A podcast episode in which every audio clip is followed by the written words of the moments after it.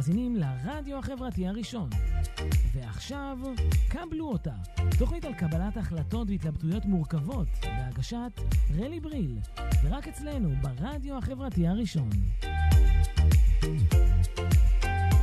שלום לכולם, שלום לכולן. אנחנו בעוד תוכנית של קבלו אותה, שהתאחדה עם כל האקדמיה. זוכרים? זוכרים? Uh, טוב, אנחנו uh, מיד נתחיל, והפעם אנחנו נדבר על התלבטות מורכבת uh, שקרובה לליבי, והיא מדברת על האם ללכת ללמוד תואר ראשון, או אולי לא. בואו נראה, כל השיקולים, כל ההתלבטויות, מיד אחרי השיר, אתם יודעים מה אתם צריכים לעשות. בכל תחילת תוכנית, שתפו את השידור שלנו.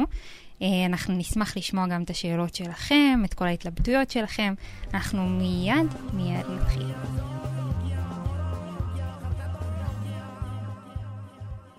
ביולוגיה, פסיכולוגיה, ארכיאולוגיה, אנתרופולוגיה, כל מה שמסתיים בפגיעה.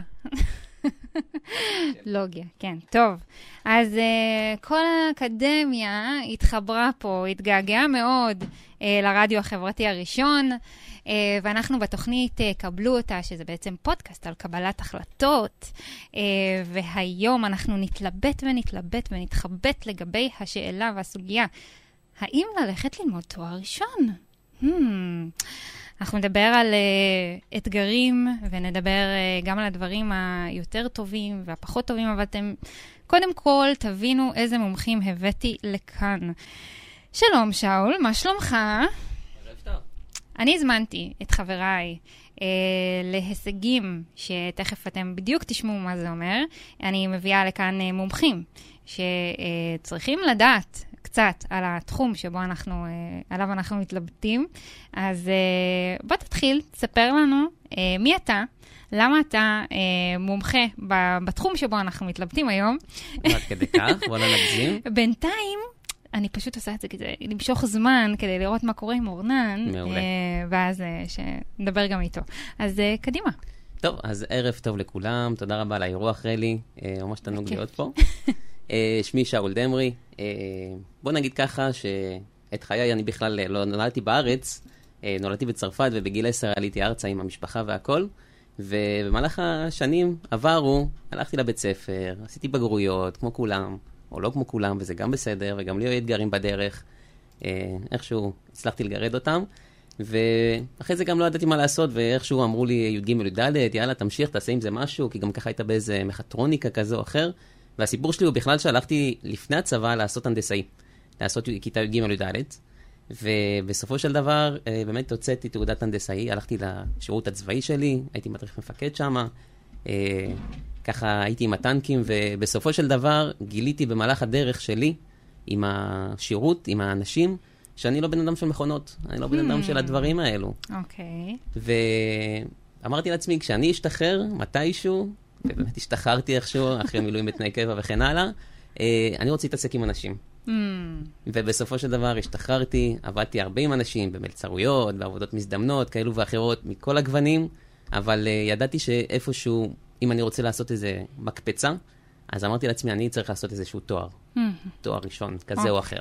אוקיי, okay, אז אתה מספר לנו על אה, ככה התלבטות שלך. אז בוא תספר לנו רגע, מה זה הישגים? אה, אני אתן את זה על רגל אחת, כי אורנן ידע, ידע להגיד את זה יותר טוב ממני. עוד מעט אורנן גם הציג את עצמו. אז אני גם בינתיים משתף שאני בתוכנית הישגים אחראי על הדיגיטל. על הדיגיטל של תוכנית הישגים זה אומר להנגיש השכלה גבוהה לצעירים מהפריפריה החברתית והגיאוגרפית, אבל לא רק בזה שיש אה, כ-44 רכזים ברחבי הארץ, אם אני לא טועה, אה, כשהם פוגשים פנים אל פנים, ובתקופה הזו זה בזום.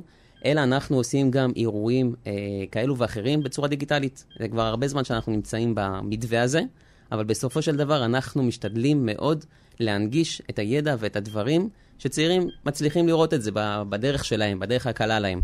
אה, מה שאנחנו עכשיו, אה, התקופה הזו, היא מאתגרת מאוד, היא גורמת לנו המון המון המון אה, לחשוב ולהתלבט.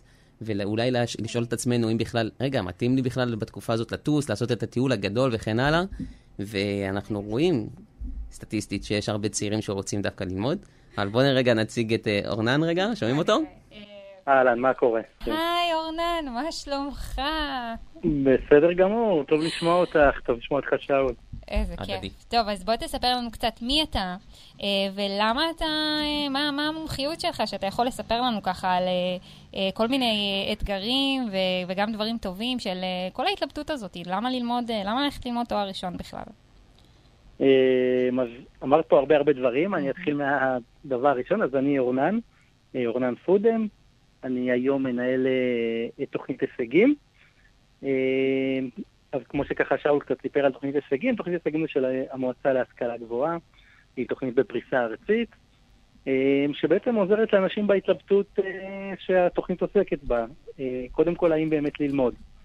ואחרי שמחליטים ללמוד, איך עושים את התהליך הזה, שהוא יכול להיות נורא מייגע ונורא קשה, מבחירת המקצוע, בחירת מושג, איך נרשמים, מה צריך לדעת, מה לא צריך לדעת. כן. אז כל הדבר הזה אנחנו עוברים ככה על, על, בעזרת הרכזים שלנו שפזורים מקריית שמונה ועד אילת. Mm-hmm. אני כבר שלוש שנים מנהלת הישגים, ולפני כן הייתי במועצה להשכלה גבוהה. אני תואר ראשון עשיתי בכלכלה, תואר שני במדיניות ציבורית, ועבדתי במועצה להשכלה גבוהה בתור כלכלן, והתעסקתי בתקצוב של נושאים חברתיים במערכת ההשכלה גבוהה בישראל. אה, אם זה כבר מהשכר לימוד, אה, שכר הלימוד בישראל, מלגות, תוכניות חברתיות, אה, הנגשת האקדמיה לאוכלוסיות שונות, מכינות קדם אקדמיות, ועוד הרבה דברים. הייתי במועצה להשכלה גבוהה חמש וחצי שנים, ואחר כך באמת באתי להישגים, ככה שאני בערך שמונה וחצי, כמעט תשע שנים, מתעסק ככה עם מערכת ההשכלה הגבוהה בישראל. ו... לא שאין לה חסרונות, אבל עדיין אני מאוד מאוד מאמין במערכת ובחשיבות של אה, רכישת תואר ראשון, אה, לפחות, וקורא לכולם אה, לעשות את הצעד הזה. אוקיי, okay, טוב, אבל רגע, אנחנו פה לא הולכים להיות משוחדים, אתה גם הולך לספר לנו על כל הדברים, כל האתגרים שבדרך שצריך לקחת בחשבון לפני, נכון? בוודאי. אוקיי, okay, מעולה. אז uh, באמת בכל תוכנית uh, אנחנו מתחילים גם עם, ה, עם האתגרים בעיקר. כי מי ששורד את זה ואומר, אוקיי, אוקיי, הבנתי, נראה לי שאני יודע לקראת מה אני הולך, ואז הוא מוכן, אז הוא גם יהיה מוכן לשמוע גם את כל הדברים הטובים, למה כן ולמה כדאי. Uh, אבל זה טוב להתחיל דווקא עם הבומבה הזאת של בואו תראו לקראת מה אתם הולכים. אז אוקיי, אז ככה, ספר לי, שאול, על... איזשהו אתגר אחד שאנחנו ככה צריכים לדעת עליו לפני שאנחנו נכנסים למערכת ההשכלה הגבוהה. אחלה. אז אני דווקא אתחיל מהרקע, כאילו, בלי קשר לאני עצמי, אלא לרקע. ואני יכול להגיד שאני לא נולדתי להורים או סבא סבתא בעלי השכלה גבוהה, אה, אלא להפך, ובסופו של דבר זה משהו שאתה נחשף אליו בכל מיני צורות, ולאו דווקא תמיד יודע מה הוא ומי הוא, איך, מה זה החיה הזו, תכלס. וכשאתה נתקל בזה, אז אם היו, אם היו לי הורים, נראה לי שהם בעלי השכלה גבוהה, אז כנראה שהם היו כזה אומרים לי, תשמע, וזה, תלך, זה, כאילו היו מנסים לעודד ולדחוף והכל. פה הם כן עודדו, כי הם גם שמעו על זה בצורה כזו או אחרת, ושמעו מפה ומשם. אצלי בכלל יש לי הורים טוניסאים, אז כאילו אבא שלי זה כזה עורך דין או רופא כזה. זה, זה הכיוון, לא, לא הלכתי לשם, לא נורא הבא, סליחה. אבל uh, בסופו של דבר, uh, זה, הנקודה הזאת של הרקע, לדעתי, היא נקודה מאוד uh, חשובה, וצריך להסיר ממנה את החסמים האלו של להגיד, רגע, אבל כן, מה זה? אבל ההורים, המשפחה, חברים, כן. זה לא משנה. קודם כל, אם נחשפת רגע, בוא תטעם, אתה יכול לטעום מה זה. כן. עכשיו, מבחינת כל השאלות האלו, העניין של האתגרים ששיתפת, אז כן, יש המון המון המון אתגרים. אני בכיף אה, אשפוך, גם לי היה מאוד קשה במהלך התואר. כן. יש נקודות שבירה. אוקיי. אבל uh, נקודות שבירה אפשר uh, דווקא משם רק לעלות. באמת, זה כאילו אתגרים שמחזקים אותך, mm-hmm. והם גורמים לך להיות הרבה יותר חסינים, בטח בטח בעולם התעסוקתי. אוקיי, okay, אז uh, אני מבינה שאתה מנסה להתחמק מ- מלהגיד את האתגרים, בסדר, ואנחנו נגיע לזה, אני לא אוותר לך. דווקא שאורנן יתחיל, למה אני? כן, אורנן, קדימה, אתה צריך לקפוץ למים, אין מה לעשות. ספר לנו את האמת על האקדמיה, מה אנחנו צריכים לדעת לפני שאנחנו נכנסים אליה. אז קודם כל, באמת זה מאוד מאוד מאתגר, וצריך לבוא מאוד מוכנים אה, לאקדמיה. Mm-hmm. אה, בואו נתחיל מהסיבה הכלכלית. אה, מדובר בשלוש שנים. אה, שאו שאתה לא עובד, או שאתה עובד במשרה חלקית אה, ומרוויח הרבה פחות כסף ממה שהיית עובד אם אה, לא היית לומד. ועוד יש לך גם הוצאות על לימודים ועל מחיה, ככה שמבחינה כלכלית זה כבר אתגר ראשון. צריך לקחת בחשבון. כשאתה מגיע ל, ללמוד, אתה צריך לדעת שאתה הולך בשלוש שנים הקרובות להרוויח פחות, או אפילו להיות בהפסדים, אתה צריך להתכונן לזה ולבוא מוכן לזה. עם איזושהי תוכנית כלכלית, של איך אתה הולך אה, לשרוד מבחינה כלכלית השלוש שנים האלה. או ארבע או שש אם אתה רופא. כן. אז אה, זה דבר ראשון, האתגר הכלכלי. דבר שני, אה, לימודית. זה ממש לא קל אה, ללמוד, צריך להתאמץ. יש כאלה שבתיכון איזה יחסית דברים באו להם בקלות, וגם אם לא, אז האקדמיה לפעמים יכולה להיות הרבה יותר קשה והרבה יותר תובענית. Mm-hmm. מצפים מהסטודנט להיות מאוד עצמאי. זה לא כמו בית ספר ש... המורים ככה מאוד מאוד דואגים ורואים את ההורים שלך אם אתה צריך עזרה, כן. אה, ומוודאים שאתה יודע, והאחריות היא חצי עליהם, חצי עליך. באקדמיה זה רק עליך. אה, אף אחד לא יבדוק אם אתה יודע או לא יודע, זה הכל תלוי בך. אם אתה רוצה לעשות שיעורי בית או לא, זה עניין רק שלך. אה, אפילו ברוב המקומות, גם להגיע לקורסים לא יעניין אף אחד אם אתה מגיע או לא, אם אתה חולה או לא, אם יש לך סיבות. אז, אז גם הנושא הזה שהכל באחריות שלך הוא עוד אתגר שצריך לקחת אותו בחשבון. אתה צריך לבוא לזה מוכן נפשית ומנטלית, להבין שזה עליך. זה לא כמו בתיכון, זה הכל הכל עליך. והאתגר השלישי שאני רואה, ואגב, יכול להיות שיש עוד אתגרים שהם יותר פרסונליים, או, או שאני לא חשבתי עליהם או לא חוויתי עליהם, האתגר השלישי שאני רואה אה, זה בעצם בעובדה שהאקדמיה, אנשי האקדמיה והמרצים, לרוב הם אנשי מחקר. נכון. זה לא אנשים שהגיעו מהוראה, ולאו דווקא הם מורים טובים. יכול להיות שהם חוקרים טובים ואנשים מאוד מאוד חכמים, אבל לדעת להעביר הרצאה של שעה וחצי או יותר, אה, זה איזה סוג כישרון שצריך, וצריך ללמוד את זה. ולא תמיד אה, אנשי מחקר הם מורים טובים, ואתה יכול להגיע להכשרה עם מרצה שהוא בעל שם עולמי, אבל מה לעשות, אה, בלהסביר הוא לא טוב. ו- ואכן הרבה פעמים יש קושי באמת לסטודנטים אה, עם הרצאות מסוימות או עם מרצים מסוימים. זה עוד אתגר שאני ככה אה, עולה לי תוך כדי שאנחנו מדברים. אז אה, כלומר לא לצפות ש... שילמדו אותנו כמו בבית הספר, באיזה צורה נורא מסודרת, עם איזה מערכת זה, אז זו שיטה קצת אחרת. בדיוק, ויש דרכים להתמודד עם זה. כשבינתיים אני מעלה את האתגרים, רלי ביקשת, אבל אני מקווה שהתוכנית לא תיגמר לפני שגם נציע את, ה, את הפתרונות ואת התשובות של הדברים האלה, כי כל דבר הוא פתיר. עוד, נכון. עוד, עוד אתגר שאני ככה רואה, והוא אתגר ככה באמת יותר גם של האקדמיה, וכמובן הסטודנטים אה, סובלים ממנו, זה שבעצם האקדמיה היא, היא גוף שאפשר להגיד הוא קצת ישן, כי הוא מיושן. אה, הכלים שבהם מעבירים הרצאות זה הרבה פעמים אה, דיבורים אה, או מצגות מאוד אה, לא מספיק אטרקטיביות, ויש משהו קצת שהוא לא מותאם לדור היום, שצריך את הכל אז יותר מהר, יותר ויזואלי, דיגיטלי, ויש עדיין חלקים גדולים באקדמיה שהם קצת לא עומדים בקצב הזה של הצעירים.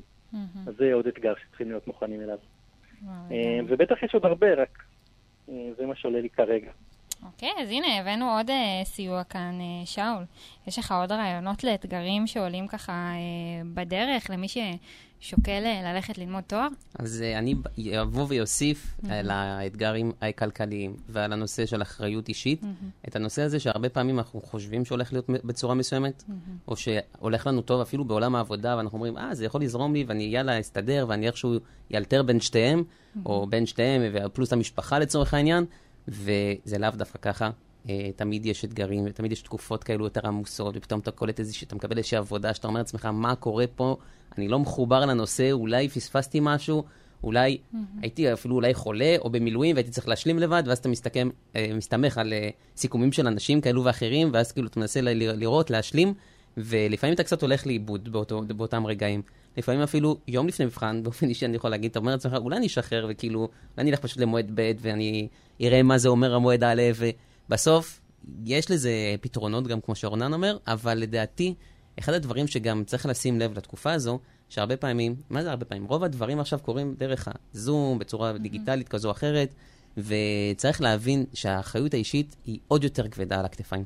היא דורשת מאמץ שלדעתי לא כולם מסוגלים אליה, וצריך לסגל אחריות אישית חדשה, שונה. וואו. אתה נשאר בבית, אתה קם בבוקר, מצחצח שיניים, זה, אתה יכול ללכת, ללכת לעשות ריצה לפני השיעור, אבל אתה גם יכול סתם לראות איזה משהו בטלוויזיה ולהישאר באותו חדר ובאותם ארבע קירות, ועדיין יש לך שיעור בזה, ואחרי זה מפגש בזה, ואתה יכול לרוץ בין דברים, ויש פה הרבה מאוד uh, עניין של, אתה יכול ללכת לאיבוד, כי אתה באותה מסגרת, אתה לא באמת פוגש את האנשים, אתה רואה כן. רק מסכים.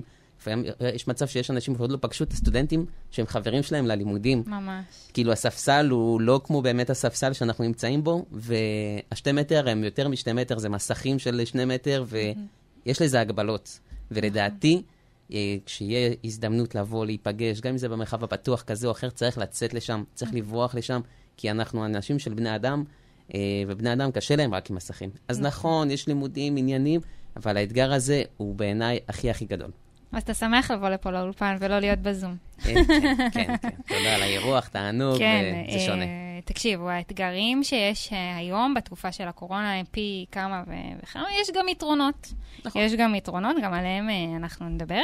אה, אבל יש עוד, יש עוד אתגרים. אה, אני, אני חושבת שגם האתגר שהיה לפני, אה, יש אה, לפעמים את השלב הזה, שמה שאנחנו בהישגים אחראים עליו, זה לדאוג שבאמת כל אחד יגיע למקום שבאמת מתאים לו, ו- או. ו- והשלב הזה של ההתלבטות זה גם מה ללמוד, אנחנו לא מדברים פה על המה, כי כל... מי שבוא נגיד הגיע לפה בשביל אה, להבין מה ללמוד, אז לא, אז בואו נלך אה, לרכזי ורכזות הישגים, או לתוכניות של כל האקדמיה, ששם גם דיברנו על אה, איך, איך עוברים את התהליך הזה. אה, נשים גם לינקים מקסימום. אבל אה, אנחנו באמת שואלים אה, ככה, מה האתגרים, ואני חושבת שיש המון כאלה, שפתאום במהלך הלימודים, חושבים לעצמם ואומרים כזה, אוי, וואי, זה לא מה שחשבתי. זה לא מה שחשבתי. מי שלא עובר אצלנו כמובן, כן? בואו נפרגן רגע.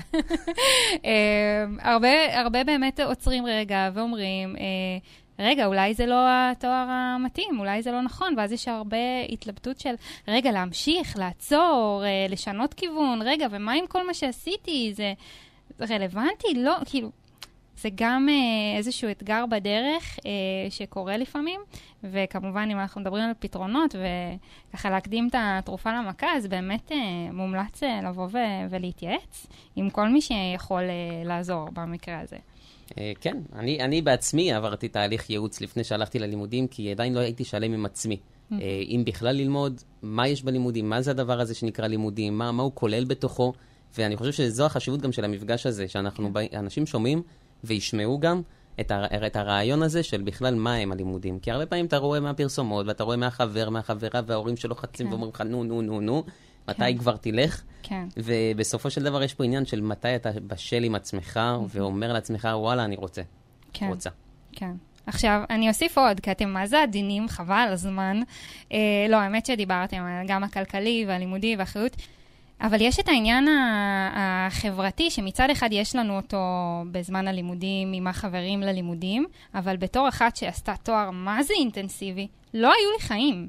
לא היו לי חיים. כאילו, שוב, אני מניחה שזה משתנה בין תואר לתואר, אבל אני ויתרתי על כל כך הרבה אירועים משפחתיים, אה, שבתות, חגים, אה, כשיש אה, תקופות מבחנים שנופלים על הדברים האלה, אז אה, המשפחה שלי יוצאת לטייל ואני נשארת אה, ללמוד.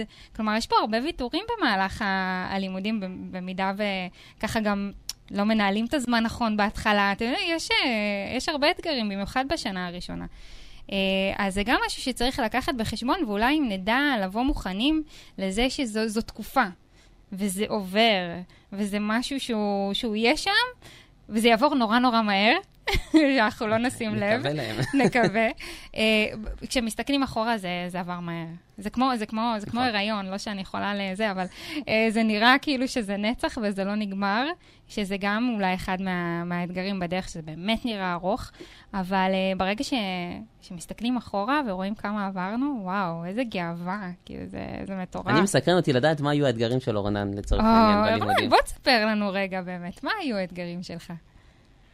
אה, לי היה אתגר שלא דיברנו עליו עדיין. והוא אתגר אישי, הוא אתגר של הרבה מאוד אנשים. אה, לי היה קושי מאוד מאוד גדול עם האנגלית.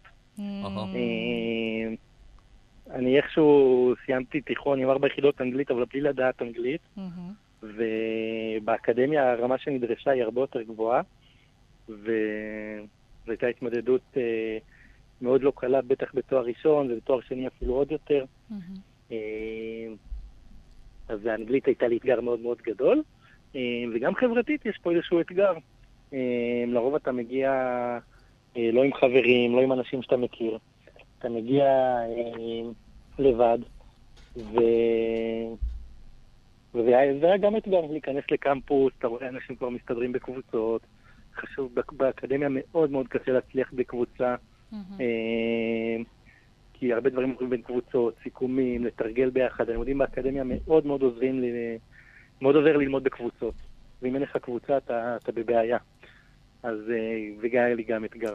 מה יגידו האנשים שהם הולכים ללמוד עכשיו בתקופה הזו? וואו, כן, כל כך, כל כך קשה. נכון. אנחנו, מי, אני לא יודעת מי יאזין לזה בעוד uh, כמה שנים שהקורונה כבר לא תהיה איתנו, אני מקווה, אבל uh, אנחנו בעידן הקורונה.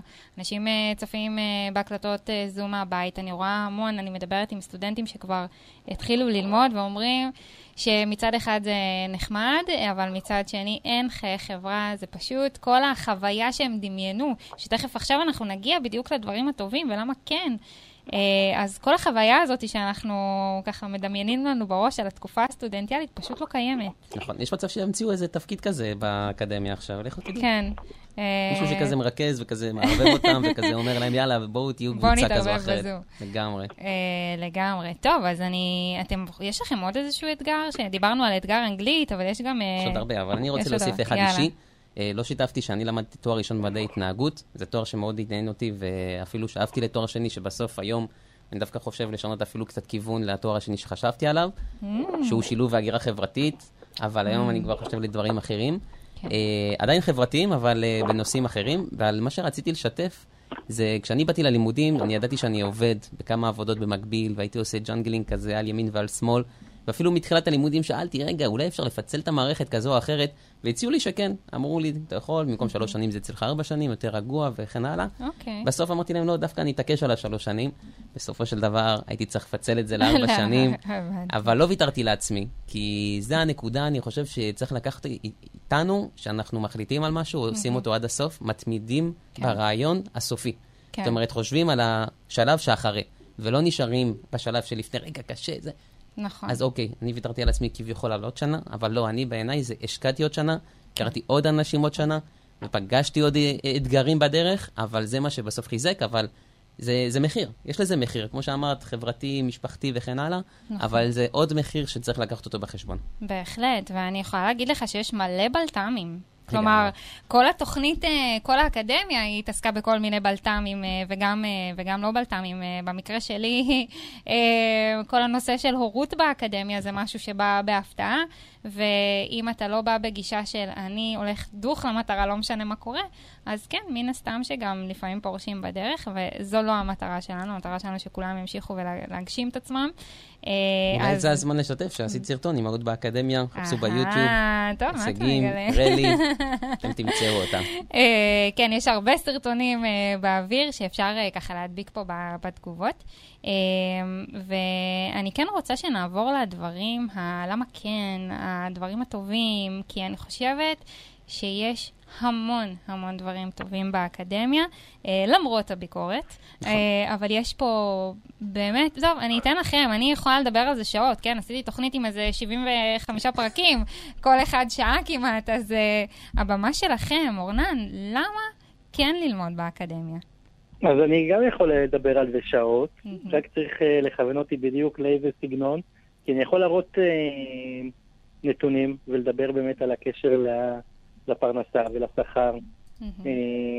ובכלל, כאילו, עד כמה להיות, מה הסיכוי שתהיה מועסק, לעומת אם אין לך תואר ראשון, ו, ודווקא הקורונה עכשיו אה, חידדה את זה עוד יותר. נכון. מש, אלה, ש, אלה שפוטרו זה אלה שהם בעיקר כאלה עם השכלה יותר, יותר נמוכה מאשר אנשים עם תואר ראשון, וגם בשכר אני, יש לי המון המון נתונים וטבלאות להראות, אבל דווקא, דווקא אני פחות אוהב לדבר על זה בהקשר של תעסוקה. אה, למרות שזה כמובן מאוד מאוד מאוד חשוב ומאוד מעסיק את הצעירים. כן. אה, אני חושב שללמוד זה, זה אדיר, לקחת לעצמך שלוש שנים, אה, בטח שכאילו אם היית בצבא, ועוד אחר כך עם טיול גדול, ולקחת שלוש שנים שזה להתעסק רק בלהרחיב את האופקים ו, וללמוד ו, ולהתאמץ עם המוח ולאתגר את עצמך אה, ולקחת איזשהו תחום שאתה זוכר בתיכון שאהבת או גילית אחר כך שאתה אוהב ונמשך אליו ולהתעמק ולהתעמק בו ממש ממש כאילו אה, לדעתי זה ממש ממש אדיר וממש מעניין וממש מפתח ובעתיד כאילו אפילו מול הילדים שלך להגיד כאילו יש לך מקצוע לקחתי תחום והרחבתי בו שלוש שנים רק עליו, בעיניי זה אדיר. דבר שני, מבחינת החוויה, אה, לכאורה, אני, אני בתואר ראשון למדתי בתל חי. אה, תל חי זה מכללה שהיא מאוד מאוד חברתית, והסטודנטים גרים ככה בריכוזים, אה, או בקריית שמונה או בקיבוצים, ויש שם חוויה מאוד מאוד טובה. כשאתה סטודנט, אז עם כל הכבוד, יש לך הרבה זמן פנוי, ויש לך ערבים, וכולם סביבך צעירים, ו... mm-hmm. וכיף, היה ממש כיף, הרבה אירועים, המכללות והאוניברסיטאות דואגות מאוד לחיים החברתיים, ויש אגודת סטודנטים, ויש תוכניות של מלגות והתנדבויות. אה, אז, אז גם הצד החברתי הוא מאוד מאוד חזק. להרחיב את האופקים כבר אמרתי, תעסוקה כבר אמרתי. עוד משהו? בוא נראה, אני יש לי עוד, פו, יש פה מלא מלא מלא. יש לי גם עוד הרבה, אבל אני אתחיל באלה ו... אז שאול, הבמה שלך. אה, אז אני אומר דווקא שאצלי, אני למדתי, אני גר בנתניה, ואני הייתי גר גם בנתניה באותה תקופה, והלכתי ללמוד במרכז האקדמי רופין, והייתי כבר נשוי בדיוק בכמה חודשים הראשונים שלי, ואני יכול להגיד שהייתי, לא היה לי את ההרגשה שכאילו בסוף יום הייתי נשאר עם החבר'ה בצורה כזו או אחרת, או במעונות. אבל היה לי את החוויה הסטודנטיאלית עם האנשים, עם החבר'ה, שזה משהו שבהתחלה הוא מאוד אה, גמיש וזורם, וכאילו זה קורה תוך כדי, ומצד שני גם הוא קורה תוך כדי תהליך של הלמידה עצמה. ובמהלך הלימודים זה לא רק הקטע של החברים גם, אתה גם יכול לא להסכים עם אנשים, ועדיין הם יהיו אנשים שאיתך. וזה משהו שהוא קצת שונה לפעמים מהחברים בחיי החברה האישיים, שבדרך כלל כאילו אתה יותר מתחבר לאנשים שיש לך דברים משותפים איתם. ופה דווקא, היה פה דברים ש... בצורה מחשבתית, לפעמים אתה לאו דווקא מסכים, ודווקא אתה מתווכח ונכנס לנושא ו- ובודק את העניין, וזה אחד הדברים שמאוד אהבתי, וגם האקדמיה לימדה אותי, זה מתחבר לנושא הזה, שהאקדמיה לימדה אותי להיות ביקורתי. להיות ביקורתי זה בסדר גמור, זה מעולה. זה לבוא, ל- לשים סימני שאלה, ולא הכל uh, שלוש נקודות, תעשה mm-hmm. את זה כמו שאמרו לך, או ככה זה. כן. כי הרבה פעמים אנחנו כזה שומעים ואומרים לנו, ותעשה, וככה זה צריך להיות, או מה שאנחנו רואים בחדשות אולי קצת אפילו מכתיב לנו לפעמים את החיים ואת קבלת ההחלטות שלנו, ואני אומר, דווקא פה אתה בא על בסיס יותר נקי, מנסים לנקות לך את זה, אומרים לך בוא תראה את התיאוריה, בוא תשמע על ההיסטוריה של זה. לא אשקר, יש שיעורים כאלו ואחרים שלא התחברתי אליהם בכלל. כן. לא יודע איך עברתי אותם, לצורך העניין פילוסופיה. וזה היה קשוח לי ברמות, ויש כאלו שקיבלו 100, אוקיי. החבר הכי טוב שלי כאילו קיבל 100 שם.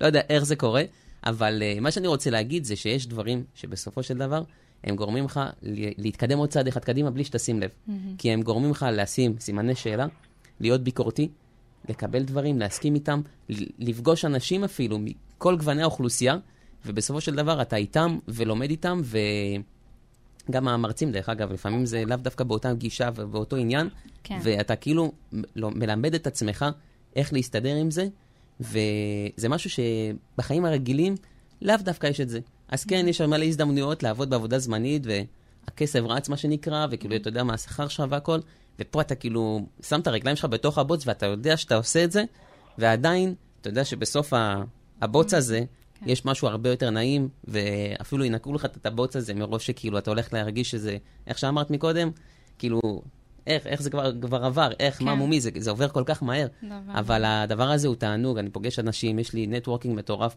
בנושא הזה, וה networking, אני חושב שזו נקודה שאני ככה אסגור איתה. נכון. שהיא מחברת אותך לאלף ואחד מקומות מכל היישובים בארץ, לאלף ואחד תעסוקות כאלו ואחרים, וזה פשוט תענוג לראות את זה, שבסופו של דבר אתה לא לבד. Mm-hmm. אז אתה יכול ללמוד תואר X, יכול להיות תואר כללי, אז כמובן יש תחומים שהם יותר uh, מסודרים ואתה יודע מה הכיוון. אבל אתה עדיין יכול לפתוח את הדלתות איתם, ואתה יודע, אתה עדיין יכול לקחת את זה למקומות הרבה יותר מפותחים. וזה מה שאני הרגשתי. תחשבו, למדתי מדעי התנהגות, התעסקתי בתחום החברתי, ואני עדיין ממשיך לה, להתעסק בתחום החברתי, אבל בצורה דיגיטלית כזו או אחרת. ואני מתמקצע שם, אבל זה, זה המדרגות. ככה אני מרגיש את זה לפחות. וזה החיבור שלי. מדהים, מדהים. אנחנו, אה, יצא לי הרבה פעמים לשאול אה, למה. אני אוהבת לשאול למה. ובקהילה של אימהות באקדמיה, שאני אה, אה, עוד אז, לפני שבע שנים, אה, ועם כל האתגרים שאני רואה שעולים שם כל הזמן, ובמיוחד לאימהות טריות, אה, יש המון המון אתגרים. מי שרוצה לדעת אה, על זה, אז כמובן נפנה חזרה ל... לתוכניות של כל האקדמיה, אה, שם דיברנו על זה המון.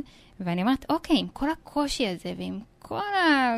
וואו, מה שעוברים שם, למה? למה עשיתם את זה לעצמכם? למה?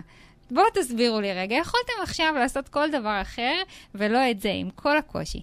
אז אה, יצא לי לשאול אותם כמה פעמים, ואספנו אה, תשובות ככה, ואיפשהו אה, דירגנו את, ה, את הדבר הזה, אז באמת, במקום הראשון אה, עלה כל הנושא הזה שזה ייטיב עם העתיד המקצועי. כלומר, הרבה פעמים... אה, אנחנו, כמו שאורנן אמר, אחד הדברים החשובים זה שבאמת אה, זה קשור, יש קשר ישיר לפרנסה ושכר, אז באמת הרבה אמרו, אוקיי, אם לא יהיה לי תואר, כנראה שאני לא אוכל להתקדם לכל מיני תפקידים שאני רוצה להגיע אליהם. אז אה, זה באמת היה הדבר הראשון. ובמקום השני, משהו שדי הופתעתי, לראות, אבל לפי, כלומר, אספתי את כל התגובות, עשיתי מעין סטטיסטיקה כזאת, ובמקום השני יצא כי חייב. Oh. כי זה היה כזה, אוקיי, כי חייב. ואני כזה, אוקיי, מה, מה זאת אומרת? בואו תסבירו. אז uh, חלק באו באמת מתרבות כזאת, שבה אין מצב שאין לך תואר ראשון. שזה לא עובר, כאילו, בדלת של המשפחה הזאת. כמו שאמרת, שיש הרבה השפעה למה שההורים שלנו עשו. לגמרי.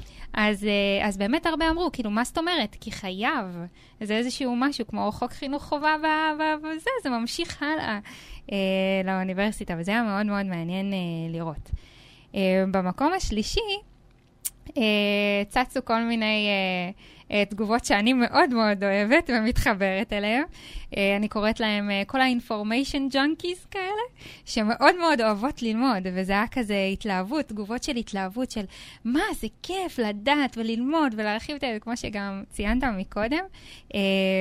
ופשוט אמרו, אני בחרתי ללמוד כי, כי זה כיף לי, כי אני אוהבת. וזה תחום שמעניין אותי, אה, אז זה היה מאוד אה, מרגש לשמוע שדווקא זאת הייתה תגובה במקום שלישי מכובד, כאילו זה... אה, זה אומר משהו. כן. במקום הרביעי אני חילקתי את זה, את העניין של התעסוקה, ודווקא במקום הרביעי זה בא למקום של העתיד הכלכלי. כאילו, הם, הם דיברו על זה, ב, באמת הדגישו את הנושא הכלכלי. כלומר, אני יודעת שאם אני אעשה תואר, אני אוכל להרוויח יותר בעבודה שלי.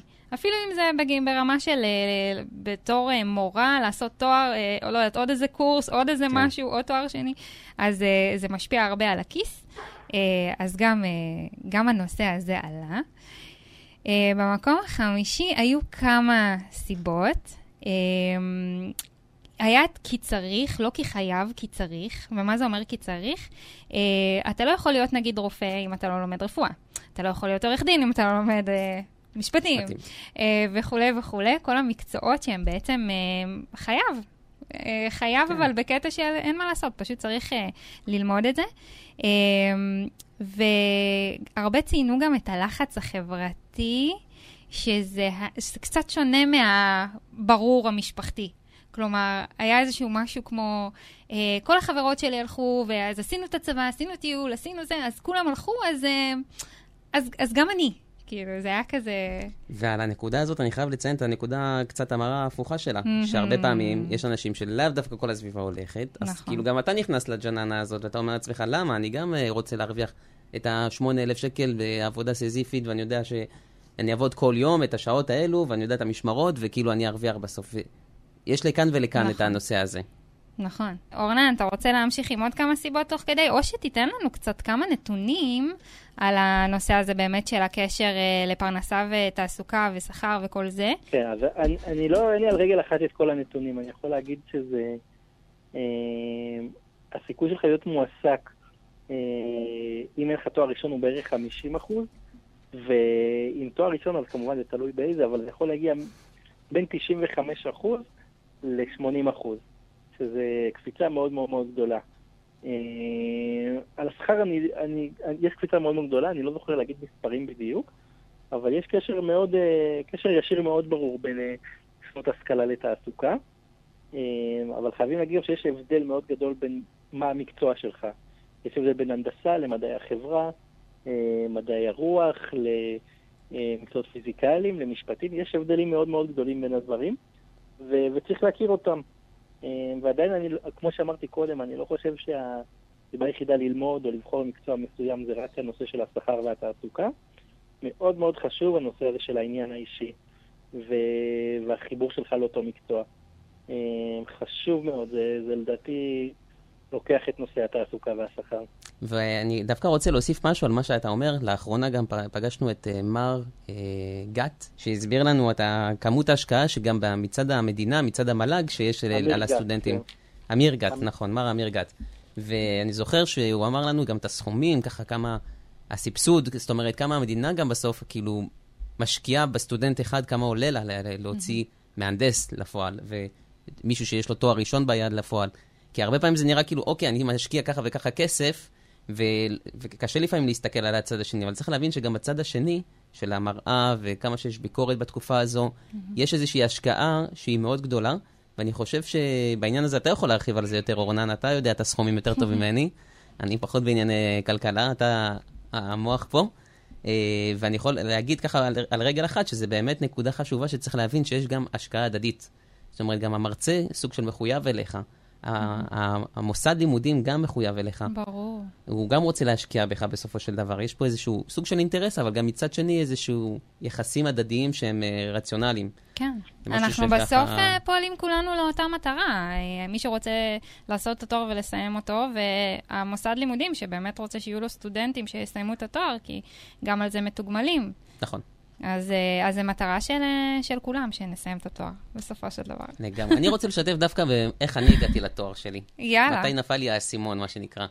אה, האסימון אצלי היה כשהלכתי לעבוד בבר של קפה כזה באוניברסיטת תל אביב. אל תשאלו אותי איך הגעתי לשם, הייתי במסעדות, מרוויח אחלה כסף, מברמן, ועושה מלא דברים. דרך אגב, ככה הכרתי את אשתי. היא הייתה לקוחה ואני הייתי... איזה סיפור. ואני הייתי המלצר. אבל מה שאני רוצה להגיד, איכשהו הגעתי לבית קפה והייתי באוניברסיטת תל אביב, והייתי עושה נסיעות, ועם הזמן שאלתי את עצמי, למה אני עושה את הנסיעות, למה אני משקיע את זה? ואיכשהו היו ימים שהייתי מגיע לשם ועובד ופוגש סטודנטים, וסתם גם יוצא לנו לדבר עם אנשים. ואיכשהו אמרתי, למה אני לא בצד השני של הדלפק? כאילו, כן. למה אני פה דווקא? ושם נפל לי האסימון עם המחשבות ועם התובנות, ואמרתי לעצמי, דווקא אני רואה את עצמי הולך, ואני יכול להיות כזה. אני יכול גם להיות אחד כזה. כן. אז כן, זה ידרוש משהו, אני עדיין לא יודע מה. Uh-huh. ובאמת אחרי זה הלכתי עם זה, עם ההחלטה הזו, ולא גררתי את זה יותר מדי, כי הייתי שלם עם עצמי. ברגע שהבנתי שנפל לי האסימון על זה. איזה מדהים. טוב, אז עכשיו יש את התוכנית הזאת שנוכל להפיץ אותה, אחרי שאני אערוך את כל הפדיחות והתקלות הטכניות שהיו פה, קורה. נוכל להפיץ אותה, אה, וככה אולי יקבלו החלטה קצת יותר, אה, יותר מהר, ו... וגם ידעו לקראת מה הם הולכים. אז uh, היו פה עוד כל, כל מיני דברים uh, שהאימהות uh, כתבו למה, למה הן הלכו ללמוד. Uh, אז uh, יש uh, הרבה שכתבו על הגשמת חלום. וזה לא דווקא רק אימהות, על הנקודות כן. האלו נכון, שציינת. נכון, נכון, זה לא, ממש זה... לכולם, צעירים גם שהרגע השתחררו, או נכון. כאלו שהם בני 30 פלוס. כן, באמת. נכון, נכון, לכולם. זה, זה מה שאספתי מה, מהקהילה. אז הם דיברו הרבה על הגשמת חלום, ו, ועכשיו כן ספציפית לקהילה, על הדוגמה שאנחנו נותנות לילדים oh. שלנו. איזה מדהים זה, ממש. זה גדול. Uh, זה, uh, יצא לי לראיין כמה uh, נשים ופרופסוריות uh, מהאקדמיה, uh, שדיברו על ה, באמת, על הקטע המיוחד הזה, uh, שאיזה השראה הם נתנו ל, לילדים שלהם. אה, וזה, וזה תמיד מרגש. נכון. תמיד, תמיד, תמיד מרגש. הילדים שלנו, אני ואורנן, זה עוד קטנטנים כאלו, אז... הם יודעים, הם יודעים, תאמין לי שהם אה, מרגישים, הם מרגישים את זה. אוקיי, במקום השישי, ככה, בזה, אם אנחנו כבר יורדים למקום השישי, אז, אה, אז הרבה כתבו שזה למען התפתחות העצמית ויחד עם תחושת המסוגלות העצמית. כלומר, אני ממש הרגשתי את זה בתור אחת שבאה מ... אה, בוא נגיד, לא חשבה שתיכנס לאקדמיה. בטוח לא חשבה שתהיה לה תוכנית על אקדמיה ותמשיך את הערים מתקדמים. אה, אבל באמת, התחושה הזאת היא ש... Uh, הצלחתי לעשות את משהו שלא חשבתי שאני אצליח מעולם, וואו, איך זה הוסיף לתחושת המסוגלות העצמית, זה פשוט מדהים. אה, זה מפתח אותנו בכמה רמות, נכון, לדעתי. כי קשה לראות את המעבר. נכון. ומי שלא יודע, אז אה, רלי, את בוגרת תואר ראשון בביולוגיה, אם אני לא טועה? כן, מדעי בעלי החיים. מדעי בעלי באוניברסיטה החיים. העברית. תואר שני, את זה אני כבר לא זוכר. טוב, אנחנו, זה, אנחנו. נדבר, זה, זה מחקר, זה הכל קשור במחקר ו, אה, וכאלה, היה לי מונולוגיה ומיקרוביולוגיה, זה היה, כן, לא, מאוד זוכר. מאוד מעניין. עכשיו. נכון. כן. אה, אז, אז כן, זה, זה נותן תחושה מאוד מאוד טובה כש, כשמצליחים לעשות את זה. אה, יש הרבה שכתבו לשם התעודה. אה, ואפילו אה, לשם התוספת הזאת, כלומר, יש שם בקבוצה, אז בקהילה לא מדברים רק על תואר אה, ראשון וזה, אז גם תארים מתקדמים. הרבה כתבו שבא לי דוקטור לפני השם שלי, וזה היה. מצוין, כאילו, זה גם סיבה מספיק טובה. אז כדי שיהיה את הדוקטור, צריך לעשות גם את התואר הראשון ואת השני. ולא סתם כל כך קשה להגיע אליו. האמת שזה עניין של, אתה יודע, אני לא חשבתי שזה כל כך, אני חשבתי שזה קשה, אבל ברגע שנכנסתי לתחום הזה, הבנתי שזה לא כל כך, שזה כמו להיות בעבודה. אוקיי? רק שאתה מחליט שהעבודה שלך זה אקדמיה, אה, ואתה פשוט צועד שם במקום לצעוד בעולם המקביל, והנורא מפחיד הזה של התעשייה בחוץ, לפחות זה מה שאני ראיתי אה, לפני שיצאתי החוצה. כי מה, הרגשת בטוחה? אני אני מחזיר את הרעיון, כן? כן, האקדמיה היא, וואו, זה, זה בועה כזאת, היא נורא נחמדה. Uh, שוב, תלוי איפה לומדים, אני מניחה. אני למדתי בפקולטה לחקלאות ברחובות של האוניברסיטה העברית, uh, וזה היה מקום קסום לבוא אליו, ממש. גם האנשים, גם האווירה, uh, כל החוויה הייתה מאוד מאוד מאוד נעימה, וברגע שכל כך טוב לך ונעים לך, אתה לא כל כך רוצה לצאת החוצה לעולם הגדול והמפחיד שבחוץ. וואו, אה, אה, אני שרתי את כל התארים האלה רק כי היה לי באמת נורא נוח ונעים. איזה קטע. אז אה, גם מהבחינה הזאת. ואורנן מקודם דיבר על זה שחשוב לא פחות שמה אנחנו, הצעירים, האנשים, רוצים, וטוב לנו עם זה. נכון. ואני, לפני שאני הייתי אחראי לדיגיטל, אה, הייתי רכז ביישוב שלי. והרבה פעמים הייתי אומר לצעירים, כשהם היו בתהליך של איפה ללמוד, אז הייתי אומר להם, אל תסתכל רק על תנאי הקבלה, לך למוסד, לך תפגוש אותו, לך תראה איך הוא נראה, לך תראה איך נראים המרצים, לך כן. תשמע איזה משהו ביום הפתוח כדי שתדמיין את ההרגשה הזאת. והרבה פעמים יש אנשים שפשוט הגיעו לאיזשהו מקום, והרגישו את הקליק הזה. וואי, איזה כיף. והקליק הזה זה האסימון הזה, שאתה כאילו מרגיש שזה משהו ש... איך אמרת את זה? מרגישה כמו בבית הזה, במקום כן. הבטוח יותר, ולאו דווקא החיצוני, והעבודות, עניינים, והלחץ כן. הזה. וזה נכון, כי אף אחד לא... באים לבדוק אותך, יש מבחנים, יש את כל העבודות כן, וכן הלאה. נכון. אבל כאילו גם אתה לא, לפעמים אתה יכול גם להגיד, רגע, stop, אני יכול גם לדחות את הלימודים, אני יכול גם לבחור ללמוד שנה הבאה. זה משהו שאתה בוחר באמת, ואתה עושה כן. אותו מתוך בחירה. וואו, וזה לא כן. פחות חשוב. כל כך כל כך חשוב סוף סוף לעשות משהו שאנחנו רוצים ולא שמחליטים עלינו בבית ספר. לא, אתה יכול לעשות רק את המגמות האלה והאלה, או כל מיני כאלה. יש הסללה גם. אין- אין מה להגיד יש, נכון. הקטנים. נכון, אה, אבל פה אנחנו מקווים באמת שכבר אה, ההחלטה היא בידינו. בדיוק. זה הנקודה, זה הנקודת מפתח. כן. כשאתה בכיתה א', ב', גם אם אומרים לך, תשמע, אתה תותח מתמטיקה, שמו אותך בכיתת מצוינות, הילד בגילאים עדיין, לא מאבד את זה. נכון. עדיין לא קולט מה קורה. ודווקא בג- בגילאים הבוגרים יותר, אז יש לך כל כך אפשרויות, שאתה צריך רק לעשות עם זה משהו טוב, לקחת את זה למקומות טובים. אז לא כולנו איזה בעלי אנשי עסקים שהיה לנו איזה מזל כזה או אחר, שפשוט יש לנו מלא עסקים ורצים על מלא דברים, וכאילו כן. הרבה פעמים אומרים, אה, הוא היה בשוק, ועכשיו הוא נהיה כזה.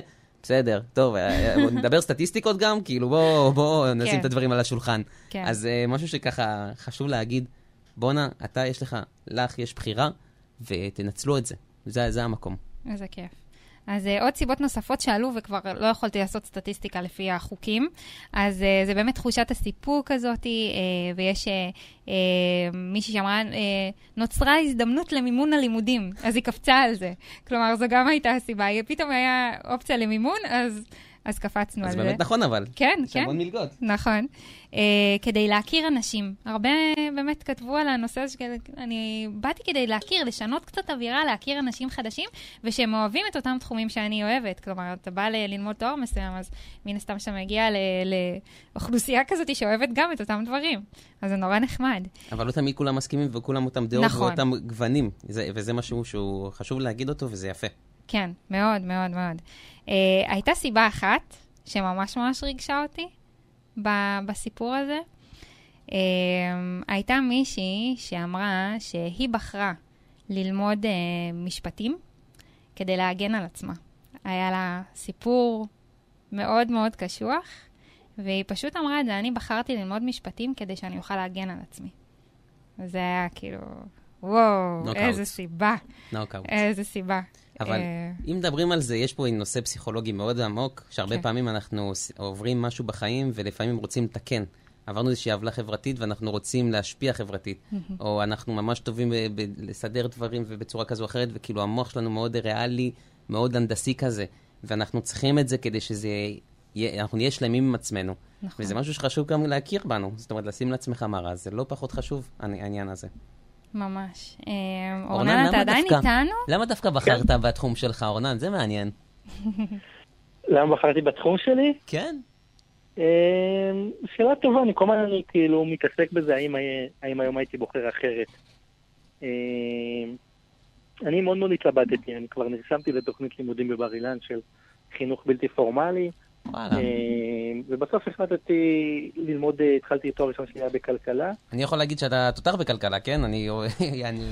מי שלא יודע, כאילו אורנן הוא המנהל שלי כרגע, וזה אומר ש... שלנו, שלנו. שלנו. כן, כן, שומעים אותך כן, מעולה. אורנן, ואני אומר כאילו, בענייני כלכלה מספרים, אני תמיד נותן לך את האחריות הזאת, ואני יודע שאתה תדע לסדר את זה בצורה יותר טובה. אני טוב בטבלאות, אני אתן לך את המספרים. כן, אוקיי, כן, כן, זה גם איזשהו אתגר, אתה יודע, לי היה אתגר מאוד רציני ב... בתחום הזה. באתי לתואר מדעי עם דיסקלקוליה, כאילו, אז... אה, אבל גם זה, כלומר, אפשרי, גם זה עובר, וגם מצאנו גם אה, כל מיני אה, מהנדסות ומהנדסים למיניהם, ש, שיש להם את האתגרים האלה, אבל בכל זאת הם לא ויתרו לעצמם והלכו, ובאמת יש פתרונות. יש פתרונות להכל.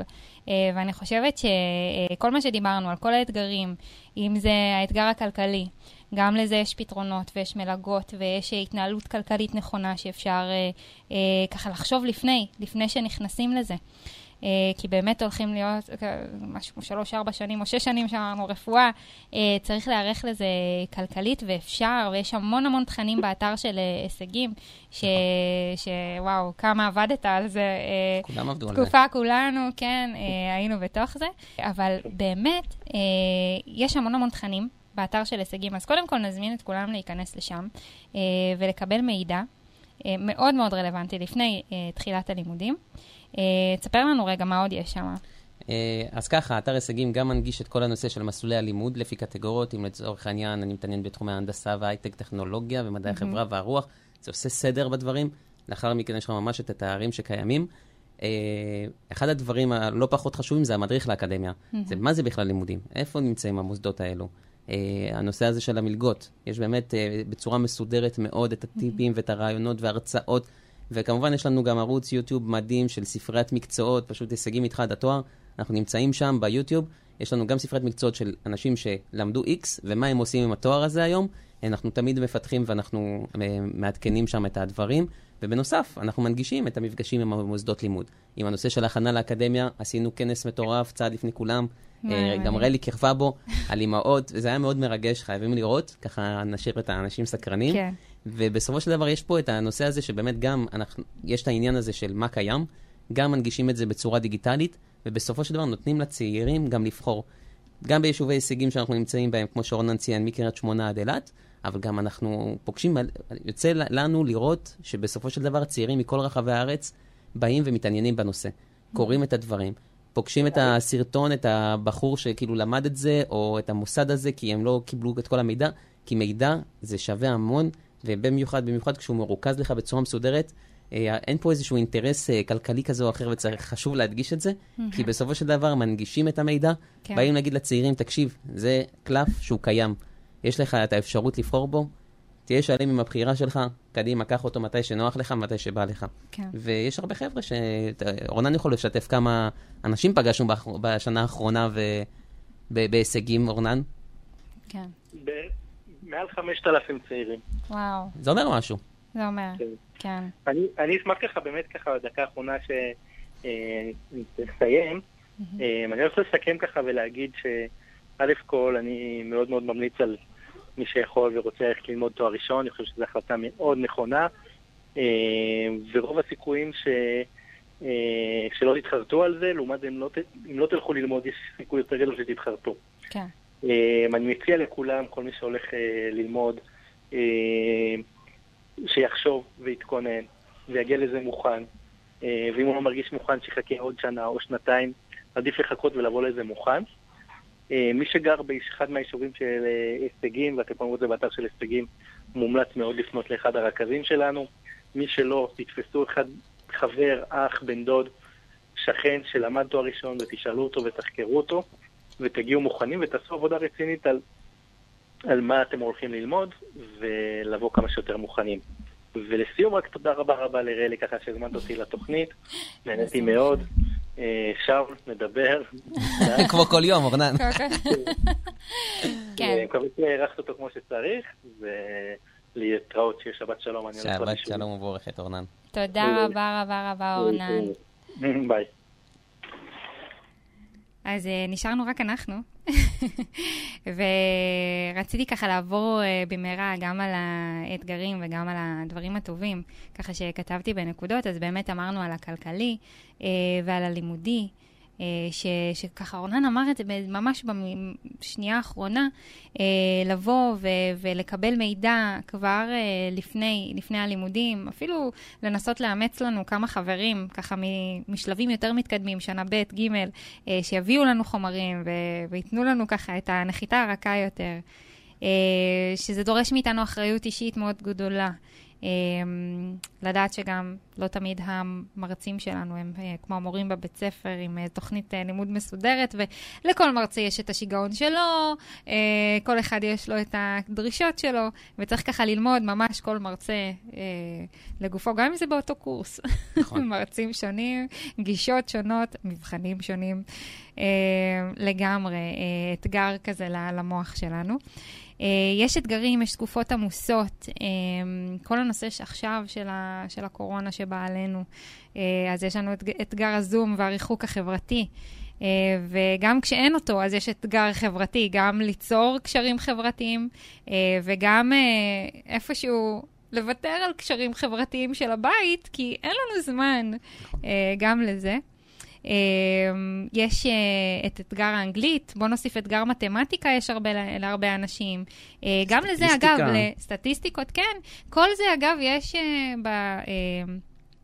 בתוכניות של כל האקדמיה, הרבה הרבה מידע וגם אה, בהישגים. בקיצור, יש לכם הרבה לינקים תכף שיהיו ב, ב, בתגובות שם, שתצטרכו ללכת אה, רפרנסים למקומות אחרים כדי לקבל עוד מידע.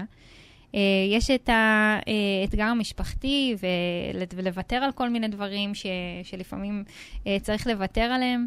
אה, אבל מה שלא דיברנו עליו, שאני כן ככה מוסיפה עכשיו, זה בכלל האתגר של הקבלה, הרבה עוצרים שם. הקבלה ללימודים לפעמים כל כך מאתגרת, ש... שלפעמים הרבה עוצרים שם. אז גם אתגר הקבלה זה משהו שצריך לקחת בחשבון, אבל אם החלטתם, תדעו שיש דרך. ותדעו שאין דרך אחת נכונה, אה, ומי שרוצה ללמוד, הוא יוכל ללמוד. זה, אני אומרת לכם, ואני יכולה לחתום על זה, ובמאה אחוז, מי שרוצה להגיע לתואר מסוים, הוא גם יכול להגיע אליו, זה דורש זמן השקעה. את יודעת מה? אולי זה הזמן להוסיף נקודה קטנה. לצורך yeah. העניין, בתחומי ההנדסה ותחומים ריאליים, מתמטיקה, פיזיקה, הנדסות למיניהם, יש תוכנית של הישגים נכון. להייטק, והיא נמצאת באוניברסיטת בר אילן, טכניון ובן גוריון, אוניברסיטאות מאוד נחשבות. ובדיוק עכשיו סיימו את המחזור הראשון. זאת אומרת, יש עכשיו, כיום, כמה סטודנטים, מהנדסים. אני לא יודע את המספרים שהם מהנדסים, מהנדסות, והם באים דו דווקא מזה שהם התקבלו כזה או אחר, אלא הם היו צריכים לעבור איזה קדם מכינה, ואז מכינה, ועבודה מאוד קשה, אבל הם רצו את זה. כן. וכשיש לך את הרצון, וזה חשוב להגיד, אז יש לכם הזדמנות, וצריך רק למצוא את הדרכים. נכון. אז אה, זה בדיוק הנקודות האלו, וחשוב להבין שתמיד יש מאין, וצריך לחפש את זה. זאת אומרת, אם באמת יש לכם את הרצון, אז שום דבר לא ישבור אתכם, כמו החבר, החברה שיגידו לכם, אה, למה אתה שם, וזה. כן, אפילו במהלך הלימודים יגידו לך, תשמע, תשחרר, וזה, עזוב אותך, זה שטויות, נכון. זה זה, זה זה. אתה, לאן שאתה מאמין בדרך, תלך עם זה. כן. תדעו את המה שלכם ואת הלמה שלכם, ושהוא ממש ממש חזק, והאיך זה טכני. זה מה זה טכני? נכון. ממש. Uh, טוב, כמה דברים טובים, אז אמרנו שיש קשר ישיר לפרנסה ושכר והתקדמות בעבודה, uh, שמן הסתם שזה המקצוע, אז, uh, אז חייב ללמוד, אז כמובן שזה ייתן לכם את המקצוע שרציתם לעסוק בו. ללמוד דברים חדשים, היה שם אפילו התחושה הזאת של הערכה עצמית כלפי עצמכם עולה. החוויה המטורפת של הלימודים שלא הייתי מוותרת עליה בחיים. אה, אני חושבת שזו אחת התקופות הטובות של חיי, התקופה של האקדמיה. אני חושבת שהרבה מרגישים ככה. אה, לעומת, אה, נגיד שאנחנו מדברים צעירים על תקופת הצבא שלהם, אז יש לכאן ויש לכאן. כלומר, פה אפשר להגיד, יש כאלה שתמיד זה חישל אותם וזה בנה אותם וכאלה, ויש כאלה עם חוויות ממש נכון. לא. אני חושבת שמהאקדמיה יש המון המון חוויות טובות. אני לא, לא יודעת, לא, לא חושבת ששמעתי על הרבה חוויות שהן מאוד מאוד שליליות, אלא אם כן היו מקרים מאוד uh, ספציפיים. יש כאלו גם שלצורך העניין יכולים לבוא ולהגיד, שמע, למה עשיתי את התואר והכל, אבל כשאתה שואל אותו, כאילו, מה אתה? כי יש הרבה פעמים שהם עוסקים בתחום כן. שפתח להם דלתות, והם נכון. הגיעו לתפקידים זאת אומרת, לפעמים קל אה, מאוד לזרוק אחורנית, אבל לפעמים כן. צריך להבין שהייתה מדרגה שהובילה אותך לעוד מדרגה ולעוד נכון. מדרגה, ולפעמים גם לתובנות. ולפעמים בגלל זה חשוב גם בהתחלה, לפני שעולים את המדרגה, לפני שעושים את הצעד הזה, כן. אז בכלל לחשוב על הדברים. ונושא הערכות כלכלית הוא נושא לא פחות חשוב, באמת. נכון. הוא מאוד מאתגר, ולכן צריך לחשוב על זה, לתכנן את זה מראש. נכון. וזה גם מכין אותך גם לחיים האמיתיים בסופו של דבר, כי גם בחיים האמיתיים יש את האתגרים האלה ברור, בצורה אחרת. ברור, ברור, ברור שיש אותם. אמ, אז הנה, זה גם אה, מלמד אותנו להיות ביקורתיים, נכון? נכון? אמרנו, אז אנחנו עכשיו ביקורתיים גם על הביקורת בטח. שלנו וזה. אמ, זה באמת ה networking הזה, ולפגוש אנשים, אה, גם לפגוש אנשים שבאמת עוסקים באותם דברים, אותם תחומי עניין שלנו, אבל גם להכיר אה, מרצים שהם הרבה פעמים אנשים מאוד משפיעים גם בתעשייה, בעקבות כל המחקרים שהם עושים בחוץ ובשיתופי פעולה עם אנשים, יש להם גם את היכולת לקשר אותנו, הבוגרים הצעירים, נכון. אה, לכל מיני מקומות. ויש המון תוכניות, ויש גם אה, כל מיני תוכניות של אה, יזמות. באקדמיה. זה, זה לא כמו שהיה פעם, פעם, פעם. היום האקדמיה, אני, אני מרגישה לפחות ממה שאני רואה, ש, שיש שינוי. שיש שינוי נכון. והביאו הרבה, הרבה אה, תכנים, גם, אה, אם כבר דיברת על הישגים להייטק למשל, אז יש את כל תוכנית ההתמחות, נכון. אה, ש, שהיא תוכנית מדהימה. שכמעט בכל מוסד לימודים היום יש את האפשרות כבר להתנסות בתעשייה ולעשות אה, שם אה, את השעות כמו עבודה, ו, אה, וזה מדהים, לצבור הקשרים. ניסיון. בדיוק, לצבור ניסיון, עוד שורה לקורות חיים, ובאמת יש עוד המון המון דברים טובים. שוב מחזירה אתכם לכל האקדמיה, בשביל uh, ל- לראות מה עוד uh, קורה שם. Uh, אני חושבת שזו תקופה מדהימה, ואני לא חושבת שמישהו צריך לוותר על זה, אלא אם כן זה באמת לא במסלול חייו, ויש איזשהו משהו מאוד מאוד uh, ספציפי uh, שהוא רצה לעשות. בטח. אבל גם לצורך העניין, מי שרצה להיות שחקן כל חייו, יש אפילו תואר ראשון ושני, וגם על זה עשינו תוכנית במשחק, בתיאטרון, והתארים וה, האלה הם לא סתם, הם באמת מחברים אותך לתעשייה עצמה. נכון. ואני חושבת שזה מדהים. כן צריך לשקול. אני חושבת שזה לא... בוא נגיד שמי שיודע שזה לא, אז הוא כנראה שיודע, ומי שהגיע לכאן ומקשיב, כנראה שהוא יודע שזה יותר נוטה לכן, השאלה אולי מתי, ומה אני צריך לדעת כשאני מתחיל את הדבר הזה. לגמרי. אז uh, זה היה הסיכום שלנו. איזה כיף. ואני uh, ממש ממש שמחה גם uh, להגיד תודה לאורנן שהיה איתנו עד עכשיו, uh, וגם לך, שאול. איזה כיף. כיף זה לארח אתכם סוף סוף. כאילו, זה הכי מצחיק אותי שהייתה תוכנית, כאילו, שנה ומשהו של תוכנית של כל האקדמיה, למרות שדיברנו הרבה על הישגים, uh, אבל רק עכשיו, כשהתוכנית הפכה להיות קבלו אותה, uh, פודקאסט על קבלת החלטות, אז אנחנו מדברים על אקדמיה פעם ראשונה, וככה הזמנתי אתכם לאולפן. היה תענוג. וזה כיף לי גדול, ממש ממש כל ממש. דבר בזמנו. גם נכון, זה היה בזמנו. גם זה בזמנו. לגמרי. אני חושבת שהתוכנית הזאת תעזור להרבה אנשים להחליט. לגמרי. לקבל הרבה מידע. נקווה. נקווה, נקווה, נפיץ כמה שיותר. שזה יפתח להם את הראש, לביקורת לכאן ולכאן. בדיוק, בדיוק. חשוב מאוד לדעת uh, את כל הכיוונים. Uh, אז uh, אוקיי, אז קבלת החלטות, אז באמת צריך לדעת את כל השיקולים, קודם כל, לפני שמקבלים את ההחלטה. עכשיו אתם יודעים מה זה כרוך. Uh, לעשות תואר ראשון, בכל ה, כל האתגרים וגם כל הכיף אה, שקורה בדרך. אז אה, קבלו את ההחלטה, אה, תהיו שלמים עם ההחלטה שלכם, ואנחנו נתראה בעוד תוכנית בשבוע הבא. ואני אגלה לך. באיזה נושא? וואי, וואי, וואי, וואי. תקשיב. Uh, אני חברה בכל מיני uh, קבוצות, ולאחרונה יש המון המון פרסומים, uh, כל מיני קבוצות תקשורת. אוקיי? בגלל התוכנית רדיו. ויש המון פרסומים על בואו להשתתף בתוכנית הריאליטי ככה וככה. בואו להשתתף, מחפשים זוגות או רווקים ורווקות לחתונה עם מבט ראשון, הישרדות, זה, עכשיו מגייסים את כל, ה, את כל האנשים. אז תהיתי, מה השיקולים שצריך לקחת בחשבון כשרוצים להשתתף בתוכנית ריאליטי? וואי, וואי, וואי. אתה יודע מי הולך להיות פה? טוב, זה אני כבר לא מגלה. הפתעה, זה אני כבר לא מגלה. אבל שני יוצאי תוכניות ריאליטי, אה, בוא נגיד שאחד, טוב, אני אגלה מאיפה, אני לא אגלה מי. יאללה. אז אה, אחד אה, זה מחתונה עם מבט ראשון, ועוד אורח מהישרדות. מעניין. אוקיי, okay, טוב, זהו, גיליתי מספיק. Uh, אז אנחנו נתראה בתוכנית uh, הבאה, בשבוע הבא, יום חמישי בלייב, וכל מי שלא הספיק, uh, או כל מי שרוצה לראות אחר כך, אז זה עולה ליוטיוב ולאפליקציות הפודקאסטים uh, השונות. אז uh, קבלו אותה. קבלו את ההחלטה, אבל לא לפני שאתם יודעים מה הם השיקולים שצריך לקחת בחשבון. אז uh, עד הפעם הבאה. תודה רבה, רלי. תודה רבה. שיהיה אחלה, אחלה סוף שבוע. אנחנו נתראה.